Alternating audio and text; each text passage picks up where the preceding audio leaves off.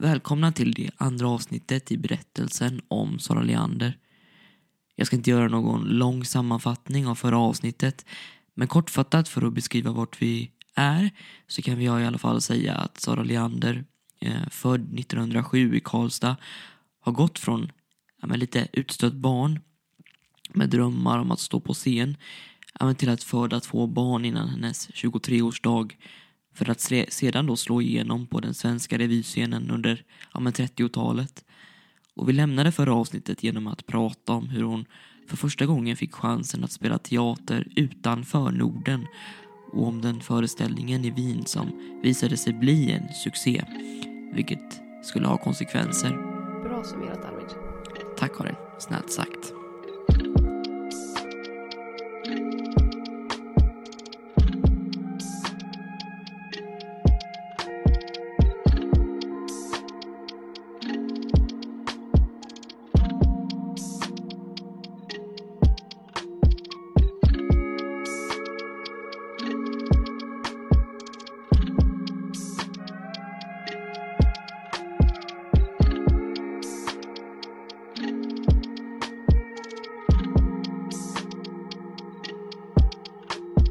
Ska börja andra avsnittet just här i Österrike. Ehm, efter att Sara fått många erbjudanden från runt om världen, alltså från London till Hollywood. Ehm, hon vill ju vara kvar i Europa, för familjens skull egentligen. Men valet behövdes göras liksom. Sara Leander visste ja, men mycket väl hur mycket ansvar som vilade på henne att göra det här beslutet. Samtidigt var ju situationen smått bisarr eftersom ja, men de i Österrike levde ja, relativt enkelt och snålt eftersom Sara inte tjänade suveränt. Men samtidigt skulle hon nu välja mellan flertalet kontrakt som lovade hundratusentals kronor. Det vill säga i dagens värde alltså mångmiljonbelopp med potential, alltså med potential för mycket, mycket mer. Valet behövde mm, helt enkelt bli rätt. Ehm, jag ska lista upp ett par erbjudanden som Sara hade fått under denna perioden så ni förstår vad hon ja, men vad hade att välja på. Mycket tack vare boken Se på mig igen skriven av Beata Arnborg. Men också andra källor. För det första erbjudandet som verkar ha varit konkret i det som kom från Hollywood. Det verkar som att det också var seriösa i sina för, alltså förhandlingar. Detta var en tid, vad jag förstår, eh, i alla fall som liksom USA inte minst letade efter det nya Garbo. De led helt enkelt av en Garbo-sjuka där nästa svensk skulle bli den nya den stora stjärnan även i Hollywood. Och Sara fick alltså erbjudandet av studion som hette MGM, som ni kanske känner igen. Eh, speciellt ni som har lyssnat på Frank Sinatra-avsnittet. Och där skulle hon då ja, tjäna höga summor. Och det skulle vara liksom, om hon skulle få de summorna som hon fick på 1930-talet då skulle det fortfarande vara höga summor idag. Och då pratar jag liksom om 60 000 svenska riksdaler i veckan. Men det fanns såklart flera faktorer till varför hon tackade nej till det här budet. Trots det ja, men, oerhört generösa kontraktet. Dels ett då kunde inte Sara engelska, vilket försvårade saker rejält. Visst hade det gått att lösa, men det hade helt enkelt varit en trög och dessutom ja, men trög process och dessutom spela på engelska var inte säkert att hon kunde. Och dessutom då spelade också den geografiska delen ganska hög roll här. Hon ville inte vara så långt bort från familjen, vilket är förståeligt. Men sen har vi då det tredje och kanske viktigaste anledningen för Sara själv, nämligen den att hon inte ville bli skådespelerska nummer 100 och komma till Kalifornien. Hellre vill hon vara nummer ett i något lite mindre men ändå slagkraftigt land. Och då kommer vi till ja, men kanske det andra konkreta erbjudandet Sara Leander fick runt denna tiden. Det var ett bud som kom från en studio i Storbritannien, närmare bestämt London. Eh, jag tror de hette London Film. Alltså den studio som mycket gärna ville skriva kontrakt med Sara. Här finns inga konkreta summor som ja, men så vitt jag vet. Dessutom var kontakten öppet skriven om i liksom svenska tidningar. Men en del av Saras kriterier kvarstod även här. I London då pratade man ju såklart också det språk som hon inte behärskade på samma sätt som tyska eller svenska. samma svårighet som i Hollywood helt enkelt. För nästa erbjudande behöver jag liksom introducera en ny person tror jag. Ehm, en person som heter Carl Frölich, eh, tror jag, som förmodligen är ett namn som jag med säkerhet kan säga att ingen som lyssnar just nu känner till som inte studerat eller ja, läst om detta förut, det vill säga. Men han var ett stort namn inom den tyska filmscenen under 30-talet. Eh, den scen som för övrigt brukade ja, kallas för Europas Hollywood, om man ska vara lite generaliserande. Och, och Frölich var i alla fall en regissör som hade rest till Wien för att se den succé till föreställning som Sara varit delaktig i under året då. Han var ja, men, angelägen att få med Sara till Berlin. Han arbetade förstås för UFA, det bolag som nu visst gått lite krackligare men fortfarande styrdes av Goebbels. Skulle Sara Leander ta deras erbjudande skulle hon med säkerhet bli just den hon ville bli, den stora stjärnan, istället för en, ja men, en skådespelerska av hundra. Hon skulle inte heller bli så värst påverkad av språket eftersom hon nu visste med säkerhet att hennes ja men, tyska produktioner kunde bli succéer. För visst var det så att de hade en stjärna redan som lämnat? Ja men precis. Anledningen till att UFA, eller UFA hade tappat mycket inkomster ehm, och att Sara var så övertygad att hon skulle bli den stora stjärnan. Men det var inte endast siffrorna på kontraktet eller lovorden, för det kunde man ju få från vem som helst. Utan det faktum att UFA hade haft ett så publikt breakup med deras absolut största stjärna från tidigare, nämligen Marlene Dietrich.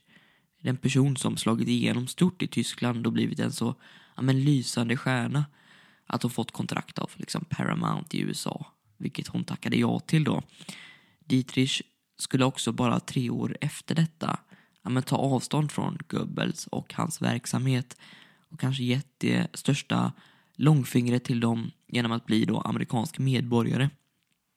Men hur som helst, då kvarstod ändå det faktum att hon var borta från Europa och hade liksom lämnat en plats efter sig.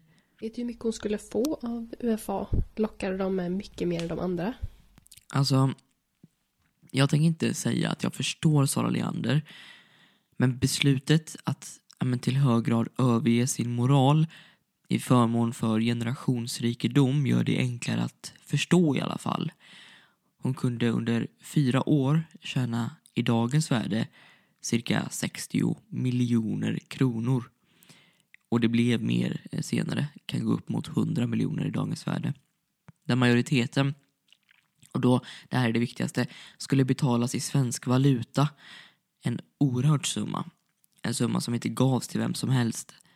Men eftersom Gubbel saknade den stora och lysande stjärnan som var ja, men då var detta en summa som var värd att betala. Vilket alltså tar oss till den 28 oktober 1936.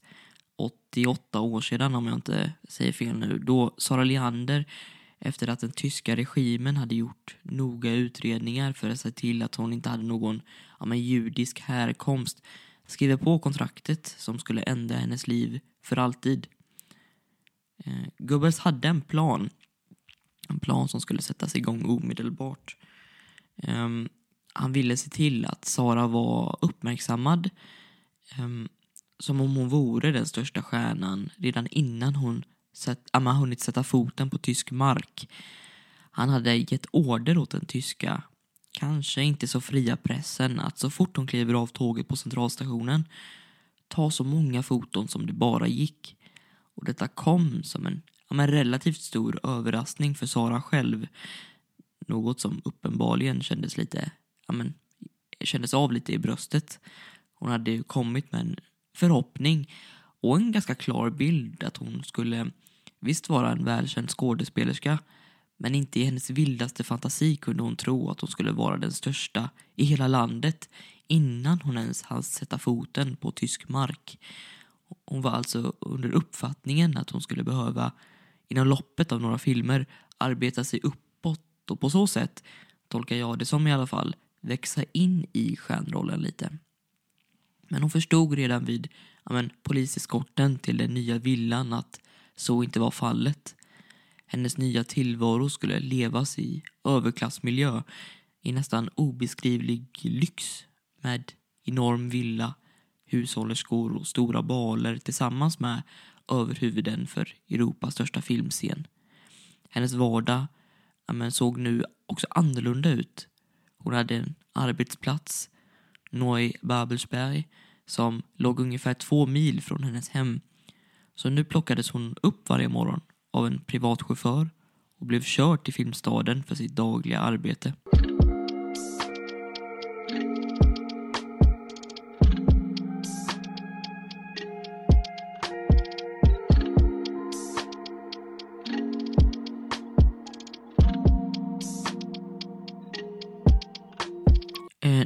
Hitler tog över 1933 hade vart femte hushåll i Tyskland en radio i hemmet.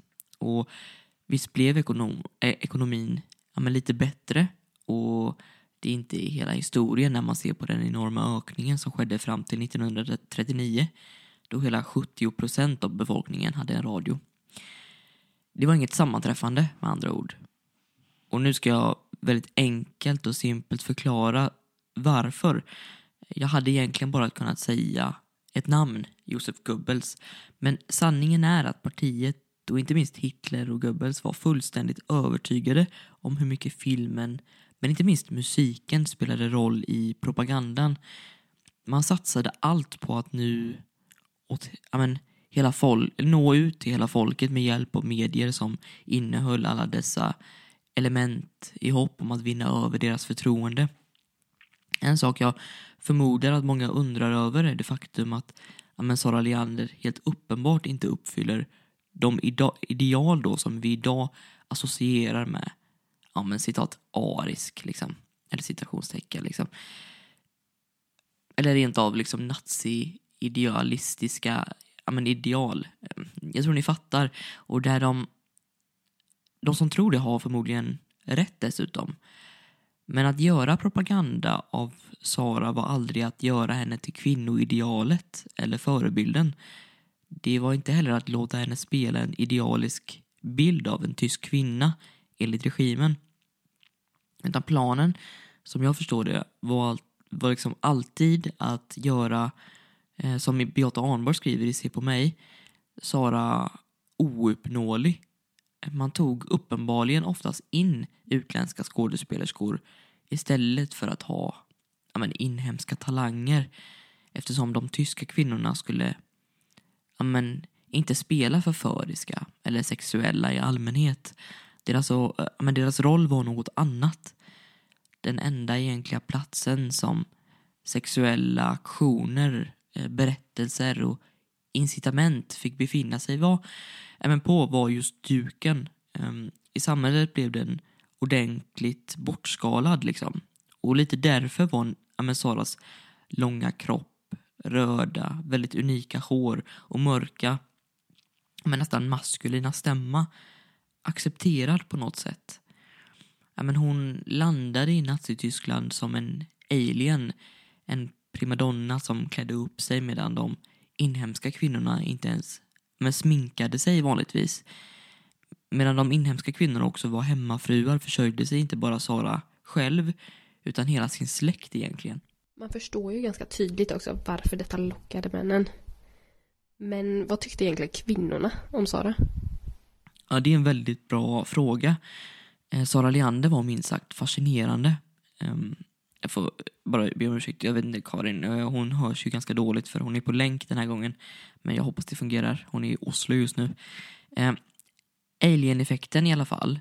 Um, men, som gjorde henne fascinerande gjorde alla könen nyfikna. Dessutom då var hon trots allt en oerhört, nästan obeskrivlig, berörande sångare. Vi kan återbesöka det jag sa om Sara Leander i avsnittet om Niko så vi kommer ihåg hur Nikos mor kände inför Sara då.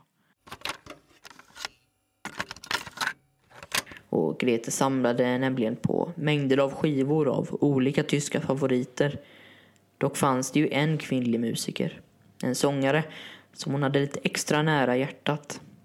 Vi kommer såklart göra ett långt, flerdelat avsnitt om henne ja, men nästa säsong. om bara någon månad. Men det var såklart Sara Leander.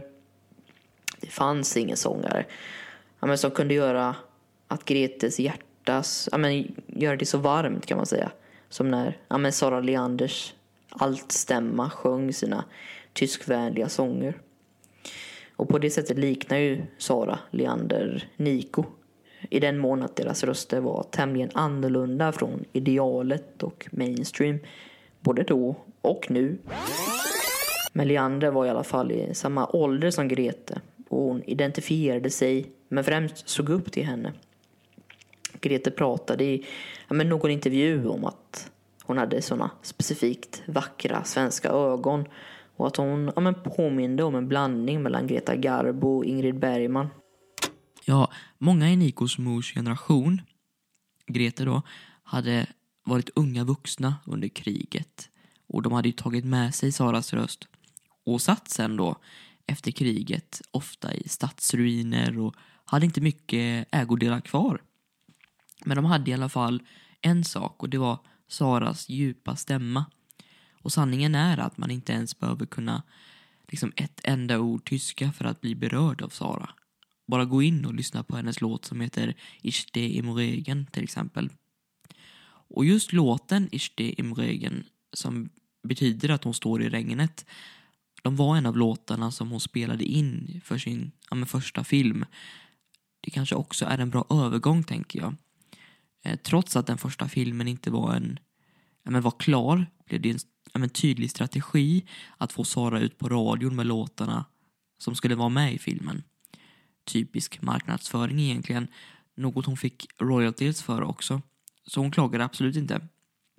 På hösten samma år som hon anlände till Berlin hade hon äntligen, efter hårt arbetande och många uppoffringar, blivit klar med första filmen. Filmen hon själv var stjärna i. Och den hette då Su Noyen Ufern och vars svenska titel, jag tror det är Till främmande strand. Och kort beskrivet kanske man kan säga att denna filmen, lite tillsammans med den marknadsföring som gjorts dessförinnan, verkligen lade grunden för den stjärna hon skulle bli. Ehm, folk fick upp ögonen på Sara som verkade, le men verkligen levererade. Hon har själv inte orkat, eller jag har själv inte orkat ta mig igenom alla Sara-filmer från ja, 30-talet, men Wikipedia beskriver filmen som följande då, citat, Filmen utspelas i London 1846 Leander spelar sångerskan Gloria Vane som tar på sig skulden för ett brott rörande checkar som hennes aristokratiska älskare Albert Finsbury begått. Slutcitat. Och jag tar ännu en del av Beata Arnborgs gedigna research när jag läser om hennes beskrivningar om Goebbels i samband med premiären för filmen. Det var nämligen så att Goebbels hade såklart fått se filmen långt innan den hade premiär och redan då varit lite kluven ja, men inför uppsättningen. I hans dagbok ska han ha gett Sara Leander godkänt men noterat att hon ja, men har mycket kvar att lära. Så hon var inte odödlig, verkar det som. Men om vi inte lyssnar på Goebbels och istället de som kände till Sara redan i Sverige verkade som att hon uppenbarligen redan var bättre än de svenska uppsättningarna. Ehm, någon, eller något, hade uppenbarligen utvecklat henne. Möjligen var det staden landet eller kanske var det den ja, men, nya regissören. Jag vet inte. Men det tog bara några månader tills nästa premiär skulle inträffa för Sara. Ehm, jag förstår det som att de hade arbetat parallellt med ett par filmer men samtidigt. Vilket då resulterade i filmen La Habanera som då kom ut efter årsskiftet 1938. En film om en svensk i Puerto Rico Mer förstår jag inte riktigt vad den handlar om egentligen. Men här kommer alltså Sara att få en av sina stora hits. En låt hade, ja men, nämligen en enorm slagkraft. En låt sålde fler exemplar än, ja men, den multipla svenska populationen idag. Det blev helt enkelt en enorm succé. Mer intressant än själva filmen är att Sara själv vid denna tidpunkten verkar ha blivit påverkad av den propagandan som bedrevs genom hennes egna filmer. Hon var uppenbarligen inte medveten om vi ska tro henne själv, om det uttryck som idag oftast kallas för eskapism. Och häng med mig lite här nu, för den metod som Goebbels använde sig av mest i alla kulturforum egentligen var just detta. Det är egentligen väldigt ja, men simpelt. Han ville med hjälp av radio, musik, men inte minst film då, få till någon form av verklighetsflykt. Han vill att konsumenten helt enkelt tillfälligt glömmer bort verkligheten runt omkring den och istället då flyr bort till en annan plats. I Goebbels specifika fall handlar det ju om, ja men, inte om att någon som haft en dålig dag, är jobbigt på arbetet eller bråkat hemma skulle um, ja, men kunna fly undan bråket i två timmar, utan snarare något större, en större bild, där den så kallade eskapismen då var något som gjorde hela populationen på gott humör. Och då menar jag verkligen hela populationer bara på några år hade antalet biografer ökat något oerhört i det tredje riket. Jag tror det fanns upp mot 5000 stycken filmdukar i Berlin. Um, och citera mig inte på den, men jag, jag har för mig det. Men det var tydligen, uh, men det var det tydliga målet i alla fall. Eh, uh, Goebbels hade sett hur uh, men det hade gått liksom under första världskriget rent moraliskt i hemlandet. Han var övertygad om att detta berodde på en konstant depression men, och brist på underhållning. Och detta är viktigt att påpeka eftersom propaganda ofta har en tendens att bli felaktigt genomskådad. De personer som tror sig inte påverkas av propaganda kanske inte förstår dess egentliga syfte eller, genomkraft, eller genomslagskraft. Och detta var i alla fall något som verkar ha drabbat Sara Leander tidigt i hennes Tysklandskarriär egentligen. Eh, I hennes memoarer pratar hon om att hon minsann alltid får spela en utländska i hennes filmer till exempel. Aldrig fick hon vara en stark och sexig hemmafru i, ja, men i, ja, men i det tredje riket som de skulle uppbygga. Hon sa olagrant i sina memoarer att Goebbels blev felaktigt utpekad som en propagandagalning när han de facto då endast ville uppmuntra befolkningen med opolitiska filmer och här har hon ju helt enkelt fel. Och medan vi ändå pratar om Goebbels kan vi ju också kanske ta tag i den klausul som hade sett ja, men till att ha med, eh, han hade sett till att ha med i Sara Leanders kontrakt en klausul som var ja, men, oerhört viktig för honom eh, att ha. Eh, för den skulle nämligen betyda mycket inom propagandakampanjerna som han genomförde. Det är alltså den klausul som tvingade eller rättare sagt kontrakterade Sara att ställa upp på alla slags evenemang som krävdes av ledningen i UFA. Man måste konstatera att för det mesta handlar det nästan endast om premiärer, ja, men intervjuer eller allmän marknadsföring för filmerna. Men ibland kunde Goebbels utnyttja klausulen på andra sätt. Sätt som marknadsförde, ja, men inte bara filmen utan också Tyskland syftar till stor del på statsbesök. Exempelvis besökte Mussolini Tyskland 1938 och med på mottagandet då av den italienska diktatorn, ja men där var ingen mindre än Sara. Dittvingad enligt hennes avtal då vad jag förstår det. Och detta var alltså i svallvågorna, om inte samtidigt som premiären för hennes, fram till nu, ja, mest hyllade film Heimat. En film som fick enorma, ja, men unisona jubel av den tyska befolkningen.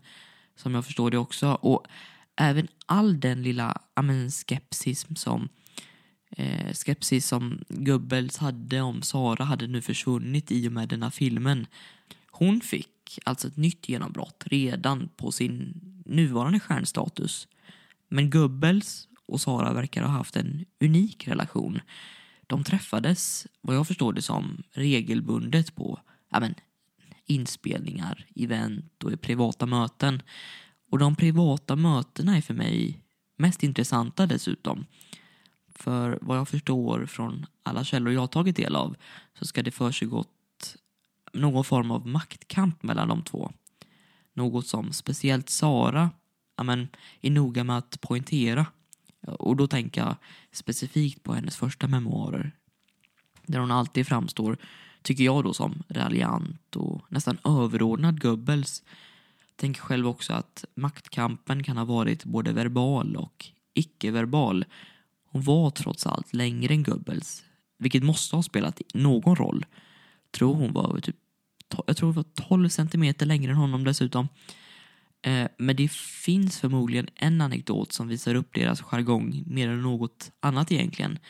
En anekdot som kanske är Saras kändaste. Och då syftar jag såklart på den, um, ja, men det följande som kommer direkt ur Sara Leanders memoarer och då som utspelar sig i ett privat möte på Goebbels kontor. Den lyder så här. Det verkade som att han, alltså Goebbels, erinrat sig något han tittade mycket bekymrat på mig och sa slutligen Er Name, Frau Leander, kommit mir ein weinig jiddisch vor Sara. Alltså översatt, Ert namn, fru Leander, tycks låta en smula judiskt. Varpå hon då ska ha svarat Och se, herr minister Josef. Alltså, herr ni minister Josef. Eh, och då skriver Sara, återigen gengöd katedralen av propagandaministerns skallande gapskratt. och det är en fantastisk anekdot som jag vill ska vara sann så mycket att jag inte ens tänker ifrågasätta den. Det finns ingen anledning. Eh, när en nasse blir ägd så ser jag inte så oerhört mycket moralisk plikt.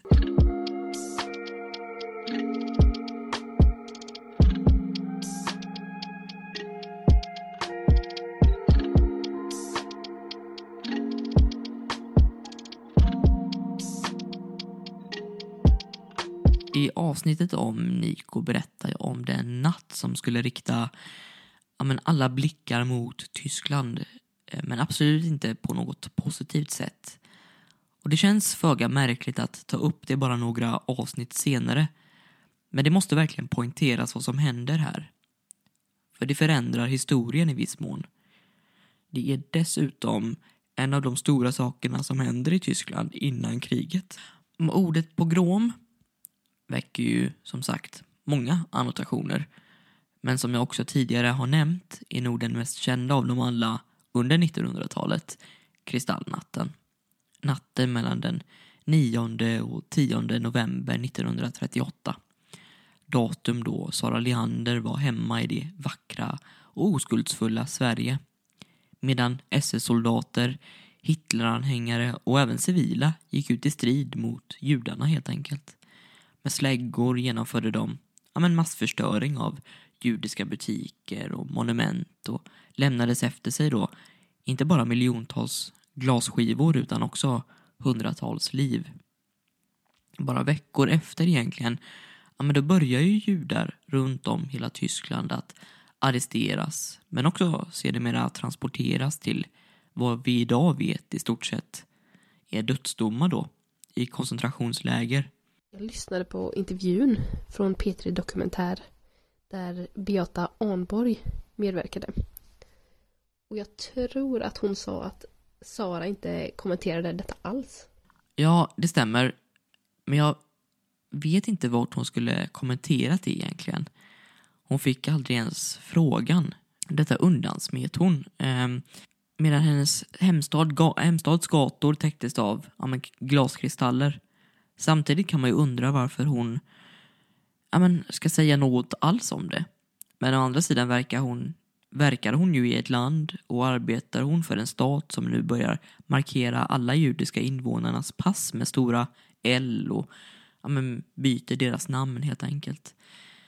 En prekär situation där ingen förutom Hitler och hans undersåtar gick vinnande. Och Sara Leander lämnade sällan sitt område strax utanför stan men när hon väl åkte in i stan, ja, men då hade hon oftast privatchaufförer hela vägen. Tillsammans med motorcykelpoliser då. Men för att balansera Sara kritiken lite grann får jag ge henne en sak. Mitt i detta ja, med judeförföljandet och utsattheten, ja, men då ska Sara ha hjälpt och ge skådespelare med judisk härkomst ja, men roller i filmer och även fast hon var medveten om att det skulle bli borttaget ur slutproduktionen hade hon ändå gott samvete när hon visste att hon hade gett ett arbetstillfälle till skådespelerskan, eller skådespelaren. Och detta verkar ha varit något som hon gjorde för att kompensera. Kanske hade hon dåligt samvete, vem vet? Och för att nämna ett till ställningstagande som Sara gjorde mot ledningen har jag hittat i P2 Dokumentär om Sara från 2020 där de pratar om att UFA-chefen bad Sara att genast sluta umgås med homosexuella, eh, romer och judar. Men då ska hon helt enkelt ha vägrat.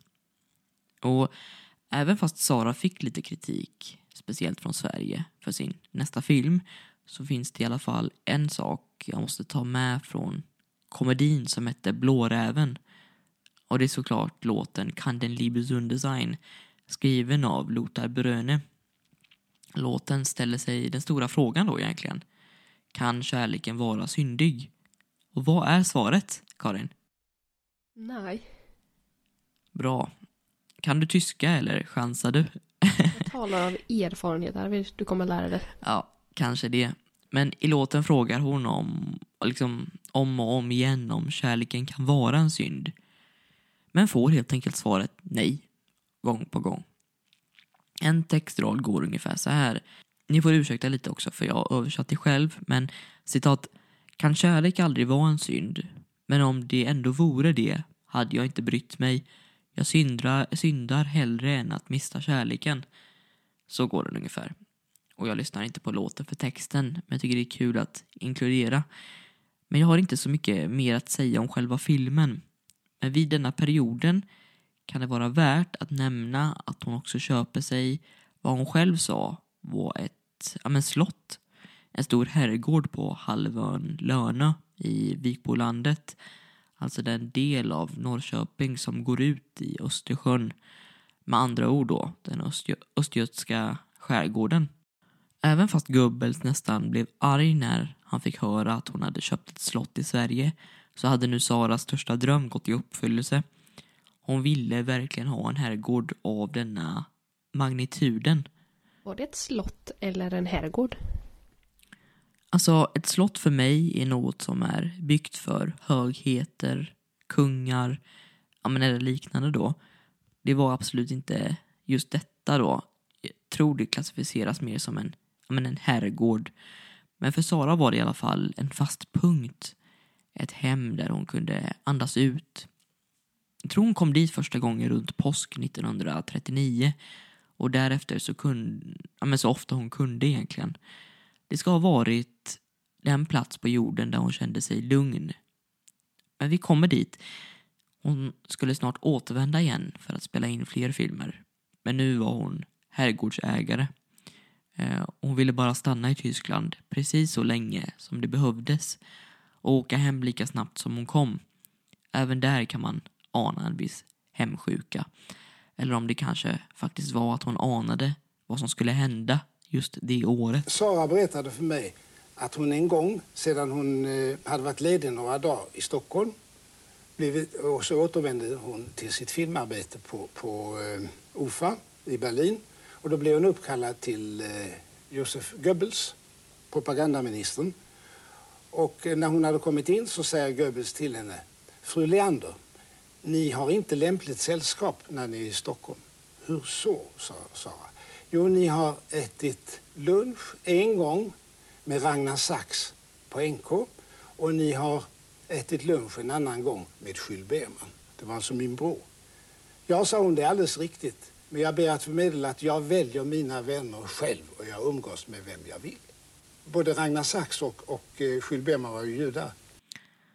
Det där var alltså en intervju med Nils Bergman i en dokumentär om Sara Leander eh, som heter Sara Leander och Sverige från 1988. En anekdot som inte bara visar på tyskarnas fullkomliga kontroll över saker men också deras avskyvärdhet såklart. Det blev mer och mer uppenbart vad Hitler ville.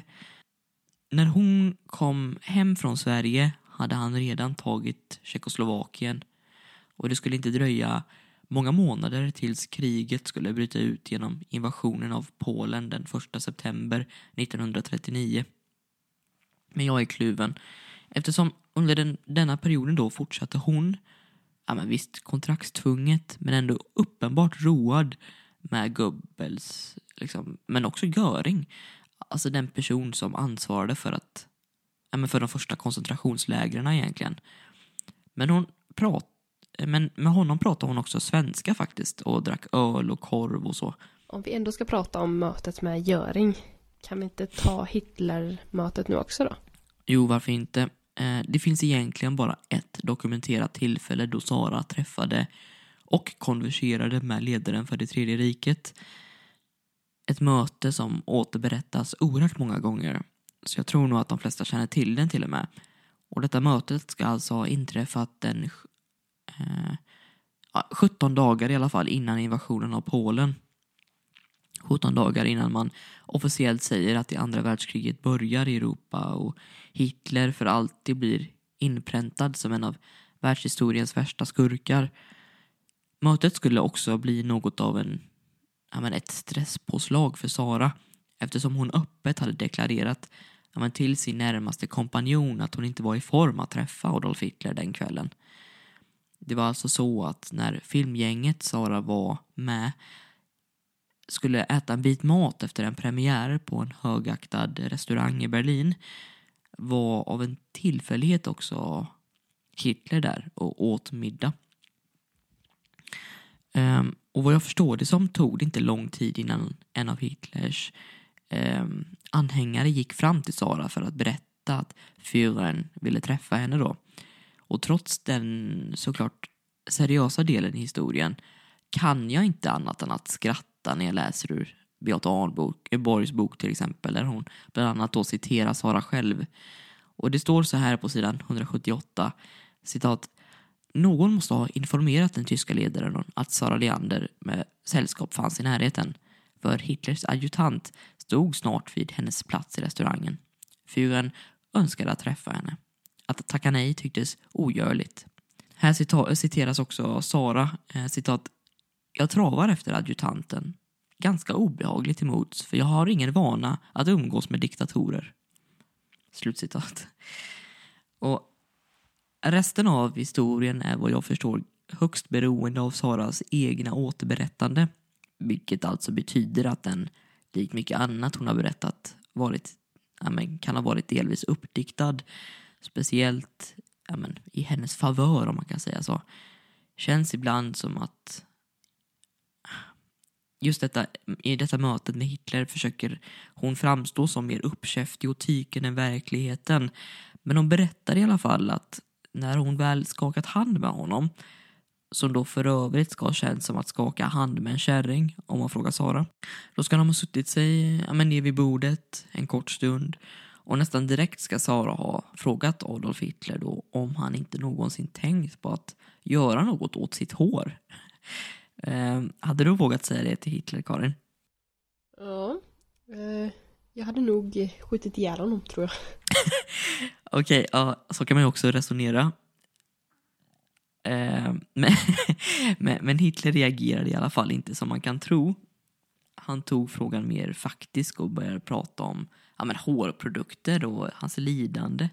Jag tror mest att hans stora problem var att ja, men, oavsett produkter då, stil eller arbete med luggen så lyckades den alltid till slut då hamna utspridd i pannan oavsett vad. Något ska, som ska ha varit väldigt, väldigt jobbigt för den stackars fyren. De sa inte så mycket mer till varandra, eller hur? Ja, nej. Jag tror Sara blev uppenbart röksugen, vilket såklart var en bra ursäkt att ta sig bort från bordet. Det var nämligen strikt förbjudet att röka vid Hitlers bord. Han klarade inte av det. Och sedan ska de, ja men, sista de någonsin sa till varandra egentligen har varit godnatt.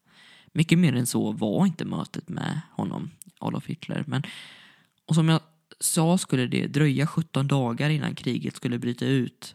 Även precis två veckor efter, tre dagar innan kriget, ska tyska ledningen, trots att Sverige bett sina invånare i Tyskland att komma hem, be Sara stanna med försäkringen om att de skulle ja, men såklart skulle få lämna landet trots det krig som eventuellt skulle utbryta. Vilket de då såklart också gjorde. Den första september stod de tyska soldaterna ut med den ja, med polska gränsen väntades på klartecken att starta den fullskaliga invasionen. Och det skulle inte dröja länge innan över en och en halv miljon trupper då tågade in i Polen Och samtidigt blev Goebbels ja, men, förebyggande propaganda till synes lyckad. Till Hitlers soldater då blev mer eller mindre äcklade av att passera by efter by i Polen. Utan, citat, en enda polack, utan istället endast fyllt av judar. Slutcitat. Och om man skulle tro den kända krigshistorikern Anthony Beaver igen så slaktades runt omkring 65 000 civila personer under bara de fem första veckorna.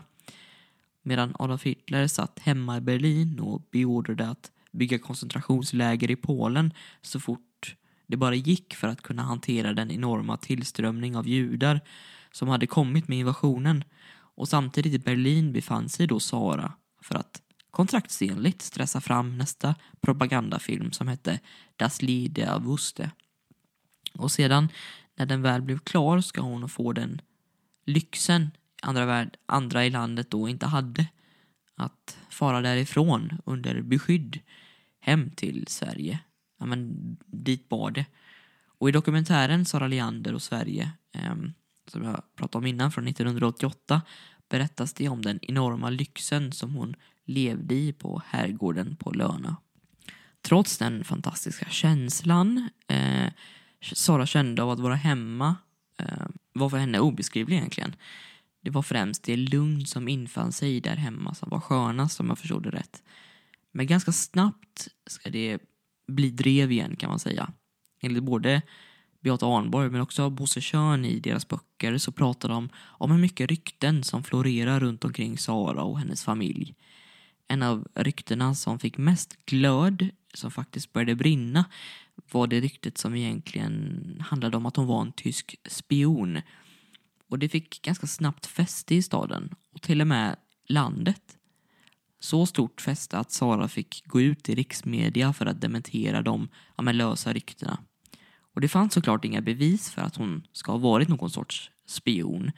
Hon gick också ut i riksradio. Men den gången inte för att dementera någonting utan istället för att bidra.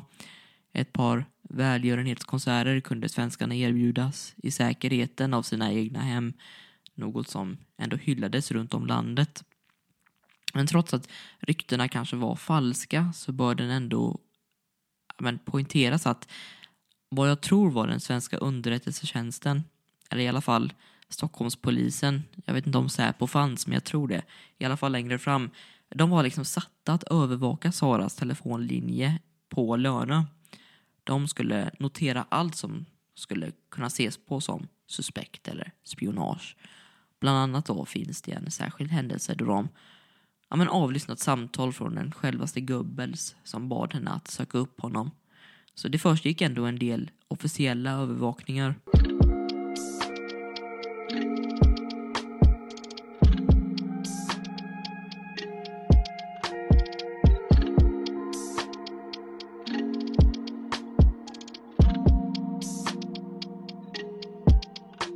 Jag försöker göra mitt absolut bästa när det gäller att inte citera Beata Arnborgs bok Se på mig hela tiden. Det blir såklart inte rätt om man ska basera sin egen berättelse om Sara Leander genom att ja, men ett redan så mycket bättre verk och mer välskrivet som denna boken är. Jag har därför gjort mitt bästa för att balansera källorna och göra så mycket research jag kan utanför det. Men det blir ofta så att man vill man ha detaljerna får man använda sig av denna bok av förklarliga skäl. Det är den enda eh, svenska biografin som eh, så vitt jag vet som man kan få tag i enkelt som, eh, som beskriver Sara så ingående. Dessutom är det svårt att veta vad som är fiktion och sanning i Saras egna memoarer. Men jag återkommer ofta till en berättelse i boken, oftast sedan, mm, liksom sedan jag läste den första gången. Och den utspelar sig en relativt kort tid efter Sara kommit hem till Sverige i november 1939. För hon skulle förstås behöva åka tillbaka till Tyskland, något hon gör själv. Som vanligtvis ja, men tar hon då tåget till Berlin. Men nu, på grund av omständigheterna i Europa, blir stoppen många och pauserna långa i passagerartågen. Rälsen går på högvarv och många passagerartåg ja, men trängs med soldat och godståg. För de spår som finns utsatta liksom. Och Sara blev denna gången då, när hon skulle till Berlin, fast strax innanför gränsen till Tyskland i norr på väg till huvudstaden. Här ska hon ha behövt vänta på ett, ja, men ett tåg med soldater skulle åka förbi då medan hon i lugnet ska ha stirrat ut ur fönstret på den järnvägsstation. Och då ska personer utanför ha känt igen henne. Inte så konstigt eftersom hon var den, ja, men en av de mest populära personerna i landet. Hon ska ha medvilligt, kanske i brist på andra saker att göra, börjat konversera med tyskarna. Skrivit autografer och till och med mottagit gåvor och ja, men frukt. Men relativt snabbt började folkmassan då som nu bildats utanför Saras fönster att önska låtar.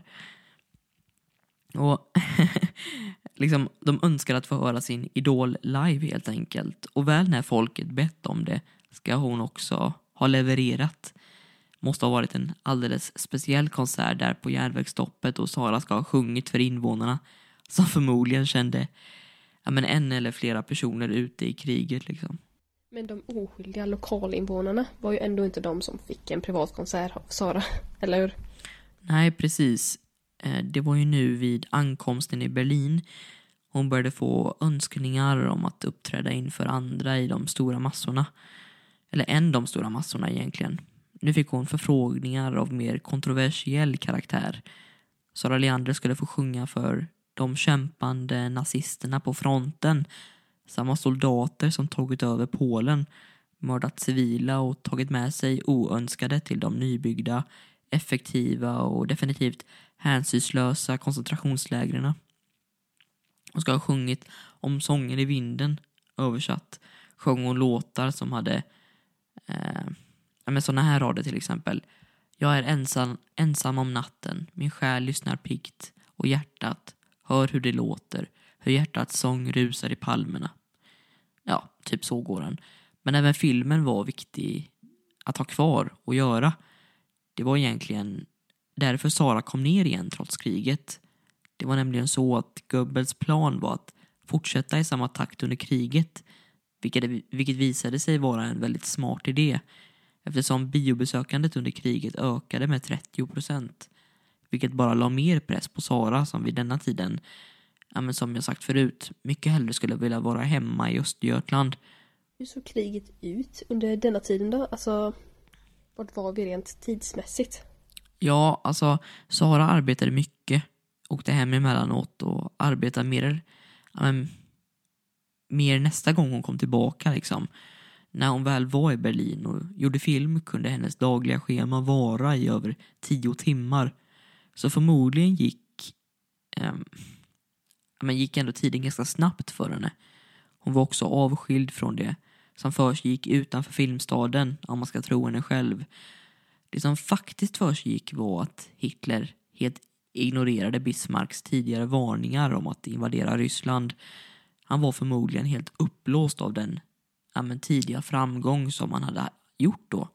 Så med vind i seglen gjorde han nu vid 1941 något som aldrig skulle kunna sluta bra. Han valde alltså att kriga på två fronter. Ryssland men skulle invaderas.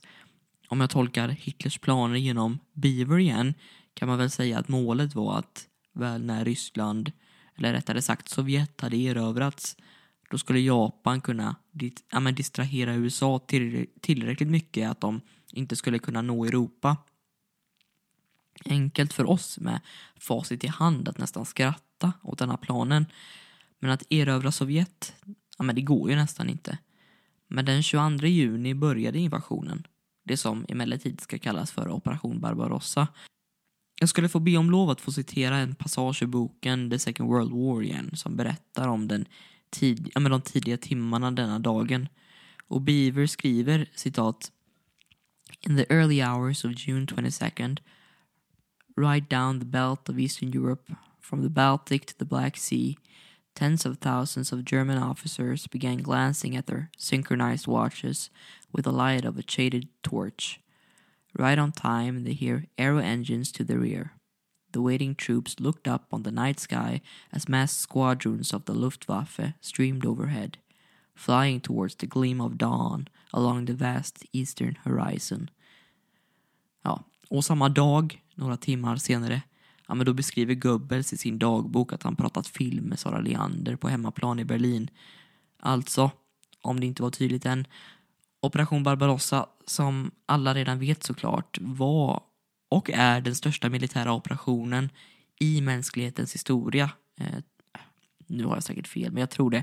Både till styrkorna, eh, styrkornas liksom storlek, men också antalet dödsoffer. Men också då var det den operation som skulle leda till en vändpunkt i kriget och se Hitlers största motgångar to date.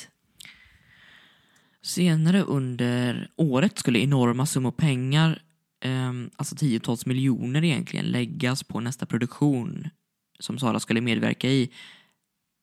Här kommer alltså den låt eh, som många nog känner till egentligen från Quentin Tarantino Davongert die Welt nicht unter. En otroligt vacker låt. Tarantino använde den till exempel i Inglourious Basterds då, många år senare. En film med oerhörd framgång med låtförfattaren Bruno Bals. Han hade lite mindre framgång. Det är en väldigt tragisk historia egentligen. Ehm, på grund av sin homosexualitet blev han, hade han blivit arresterad flertalet gånger av Gestapo. Dessutom detta året blev han tillfångatagen och torterad av samma polis på deras högkvarter. Och det var alltså kompositören Michael Jerry som blev hans räddare kan man säga. Men han lyckades övertala Gestapo att han ja, skulle göra mer nytta för Tredje riket om man gjorde propagandamusik än om man åkte med tåget som nu avgick från en egen perrong i Berlin.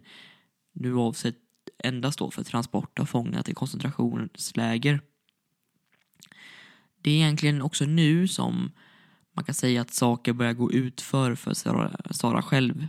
Hon har under många år fatt, fått precis vad hon önskat. Hon har varit prioriterad av tjänstemän, filmindustrin, men också ledare i landet. Men saker börjar vid 1942 bli märkliga, om inte uppenbart läskiga. För första gången nu ska till och med Sara känna sig rädd i kretsar och umgängen hon förut varit så bekväm i. Allt börjar med att hon får det här erbjudandet från Goebbels. Eller hur? Alltså, där han går helt bananas. Ja, men det kan man säga. Trots att det hade blivit en börda att fara till Berlin hade hela tiden under kriget eh, liksom hade mötet med Goebbels som du pratar om väldigt stor betydelse. Han försökte helt enkelt under ett intimt samtal att göra henne till någon form av ansiktet utåt för Tyskland. En roll som ska ja, men kallats för typ statsskådespelare. En lite mer formell typ av stjärna, så som jag fattade. Det som skulle krävas var bara att hon själv, tillsammans med hennes barn då, skulle bli tyska medborgare. Vilket Sara absolut vägrat. Det är också här han, som du väl sa, eh, liksom sa det Karin, går bananas. Det verkade svårt att acceptera. Hon skulle, om hon nu bara genomförde hans plan, få allt hon önskade egentligen. Men hon skulle aldrig gå med på det.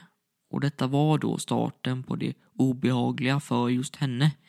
Eftersom det inte skulle dröja lång tid förrän hon förstod att hon var, och förmodligen under en tid, ganska lång tid, varit övervakad. Då menar jag inte bara förföljd eller observerad från håll utan hon hittade mer eller mindre dåligt placerade, dåligt gömda mikrofoner i hennes bostad i Sverige.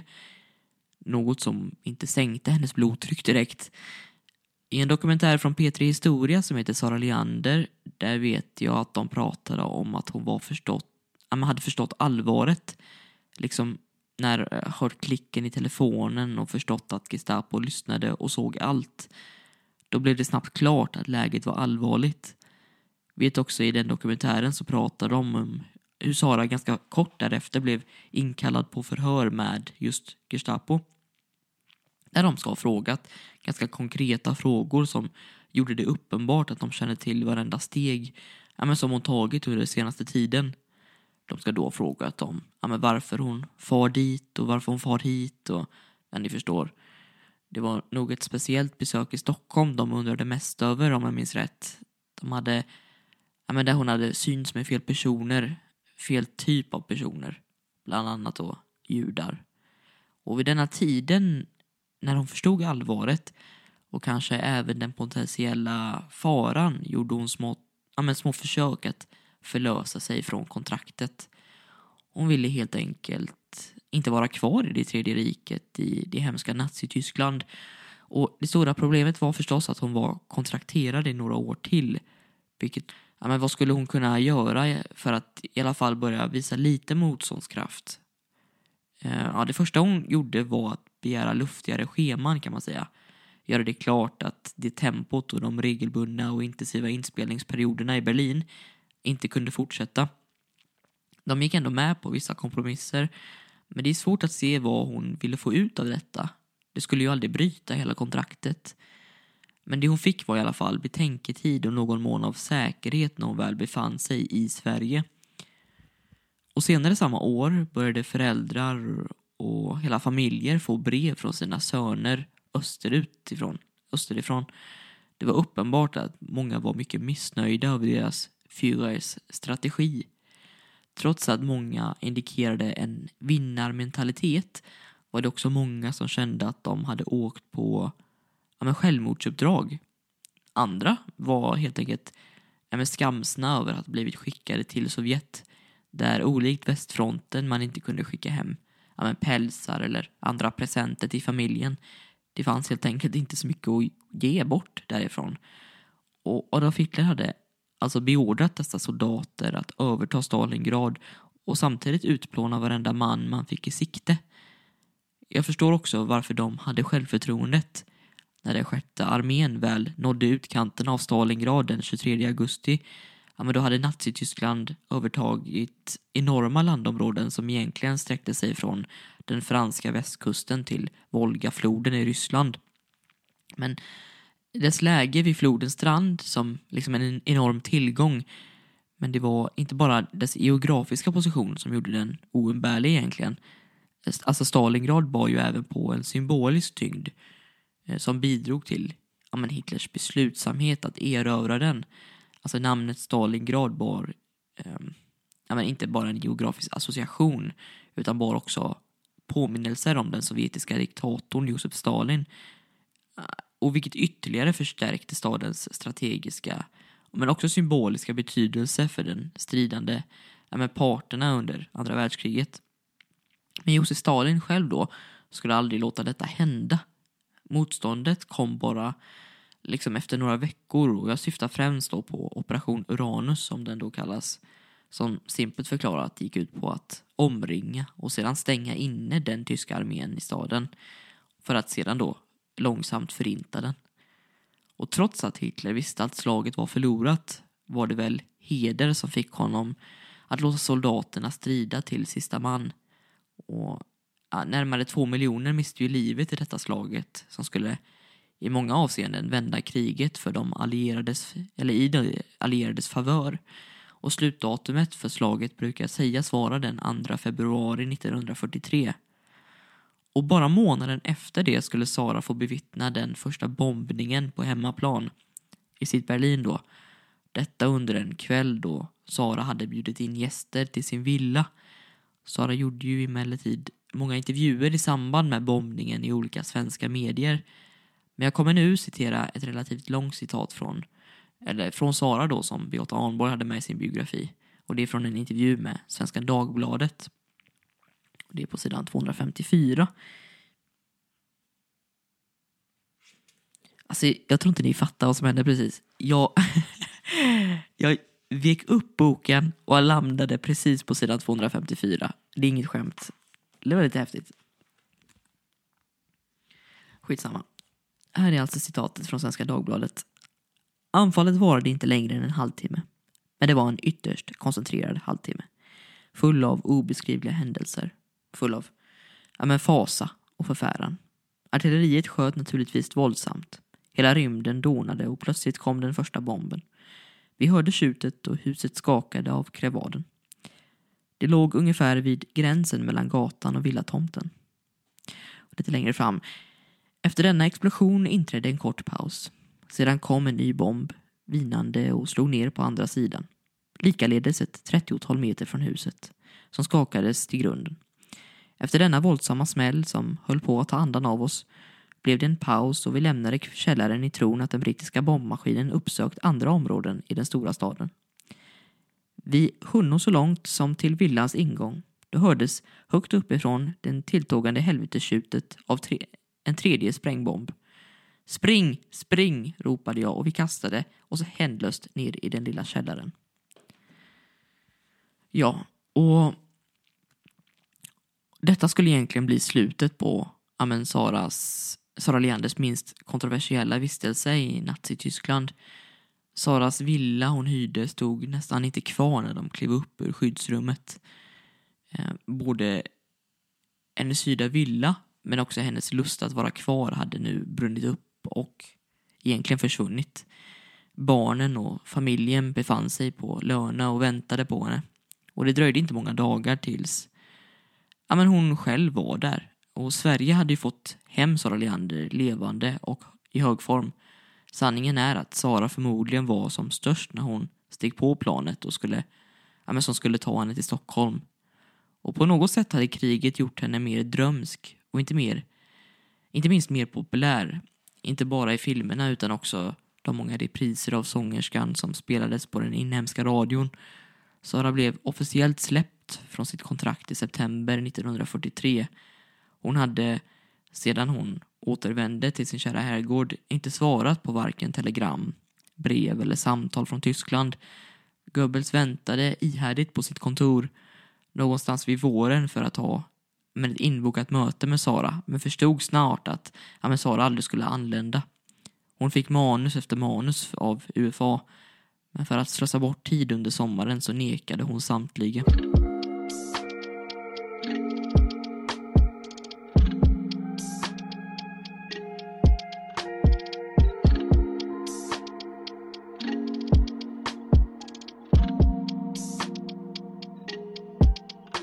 Tro att hon skulle bli fri trots att hon nu var borta ur greppet på tyskarna som hade en del annat att stå i vid detta laget ja, men, skulle vara dumt att tänka.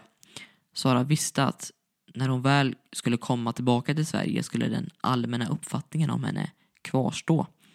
Majoriteten visste vid detta laget att hon hade spelat en stor roll i nazi, ja, men, nazisternas framgång och rekrytering.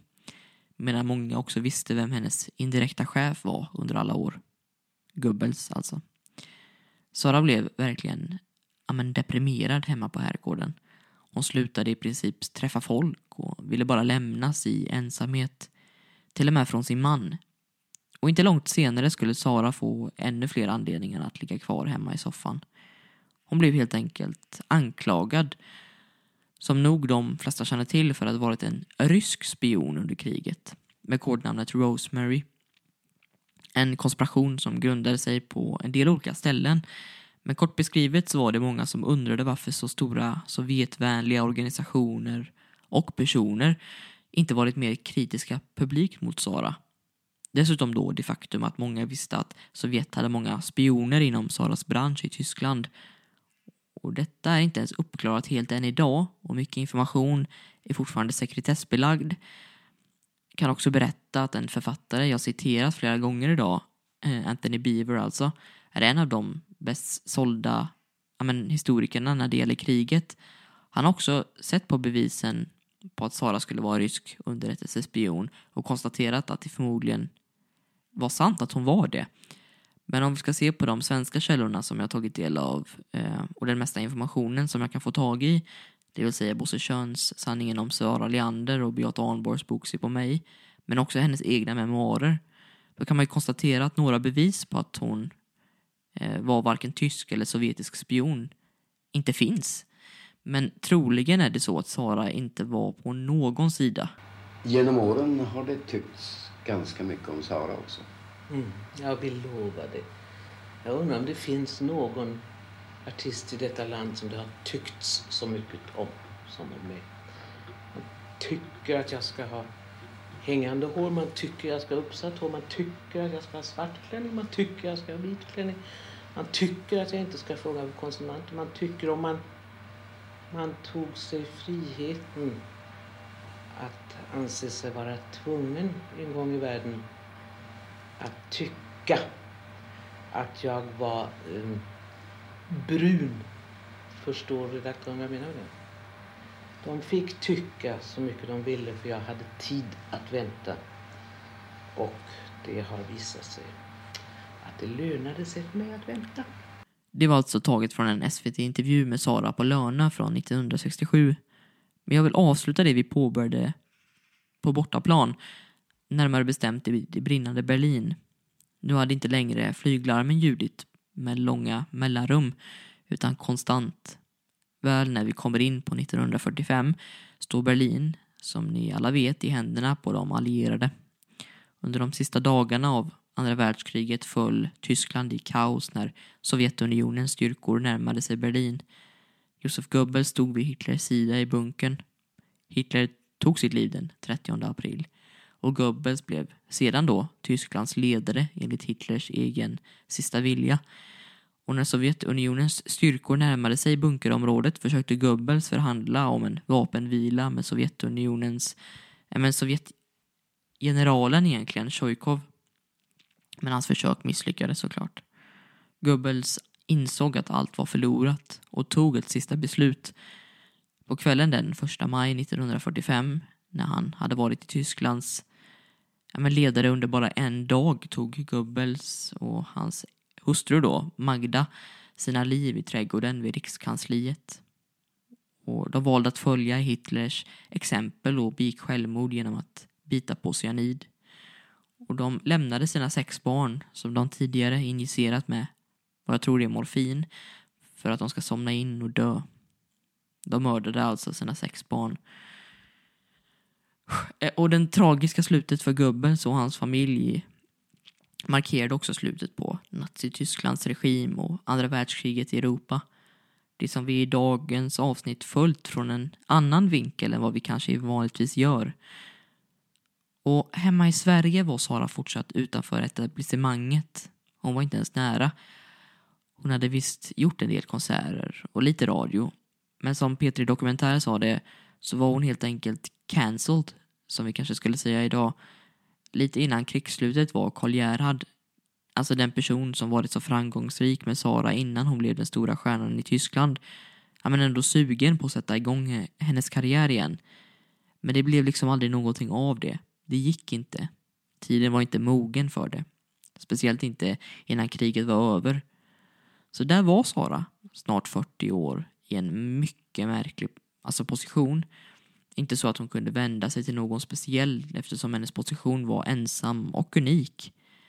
Men idén om en långsam, långsiktig, långårig comeback skulle göras.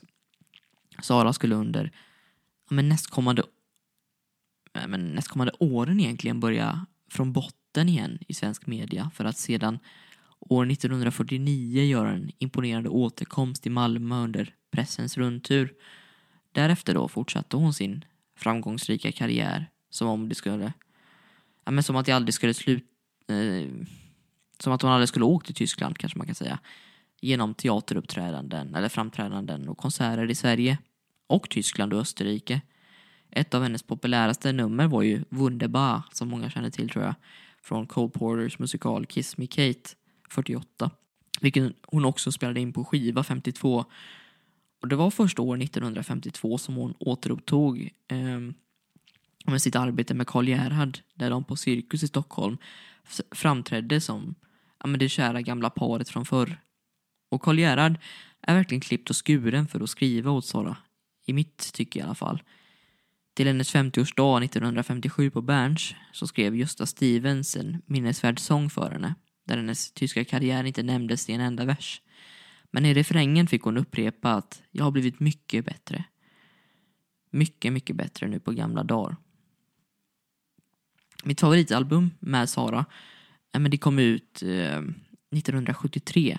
Eh, det heter Sara Live. Där hon under 73 minuter spelar sina absolut främsta, i alla fall svenska sånger.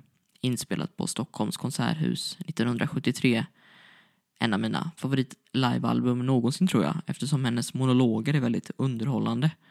Speciellt den låten som är Det skönaste som livet gav som man kanske brukar höra på engelska som är en otrolig låt. Och så gör hon Yesterday och såklart Vill ni se en stjärna och tar sedan farväl på sista spåret. Kan starkt rekommendera att lyssna på den om man har lite tid över. Har för övrigt kanske en av Sveriges snyggaste omslag någonsin.